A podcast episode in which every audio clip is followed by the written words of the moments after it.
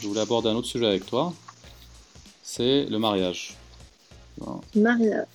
Mhm. Est-ce que ça représente quelque chose pour toi Et si c'est le cas, qu'est-ce que ça représente pour toi? Moi, je pense que le mariage, c'est pas euh, un objectif ultime. Donc, euh, ça veut dire que c'est pas parce que tu rencontres quelqu'un, tu passes un, un morceau de ta vie avec cette personne que forcément ça va mener au mariage. Mhm. Ça, c'est mon avis personnel. Donc, c'est-à-dire que si tu rencontres quelqu'un, oui, vous avez des aventures ensemble, vous vivez des choses ensemble.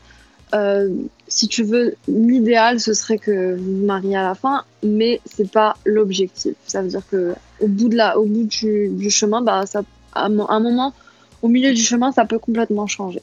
Mhm. Et, et c'est ok. Maintenant, euh, pour moi, c'est ça. Si tu veux, le mariage, c'est pas un, un, but ultime, mais en même temps, c'est quelque chose que j'aimerais bien. Euh, euh, j'aimerais bien que ça m'arrive, quoi. J'aimerais bien me marier, fonder une famille, etc. Pour moi, c'est important euh, d'être avec quelqu'un euh, officiellement, parce que pour moi, juste le mariage, c'est juste de se marier officiellement. Enfin, de, c'est juste d'être en couple officiellement aux yeux de la loi, aux yeux de la société, aux yeux de, si tu veux, de tout, enfin, tout le monde, quoi. Mhm. Donc je trouve que c'est important à ce niveau-là, si tu veux, d'officialiser la chose et de, de donner à, de fonder une famille sur des, si tu veux, des bases qui sont assez stables. Donc euh, voilà, papa et maman, ils sont mariés. C'est comme ça que je le vois. Euh, après, je pense pas que c'est un truc qui est obligatoire. Ça veut dire que si quelqu'un veut pas se marier, c'est ok. Si euh, demain j'ai envie de vivre avec mon partenaire pendant 10 ans et ne pas me marier ou me marier au bout de 20 ans, bah, c'est mon choix. Ça reste vraiment très personnel.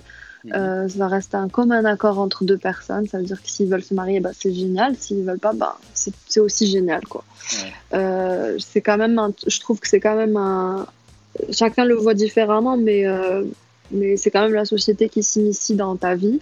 Ouais. Donc, euh, s'il y a des gens qui sont contre ce, cette vision, ben, c'est aussi OK, quoi. Voilà, moi, c'est ça. Pour moi, le mariage, c'est.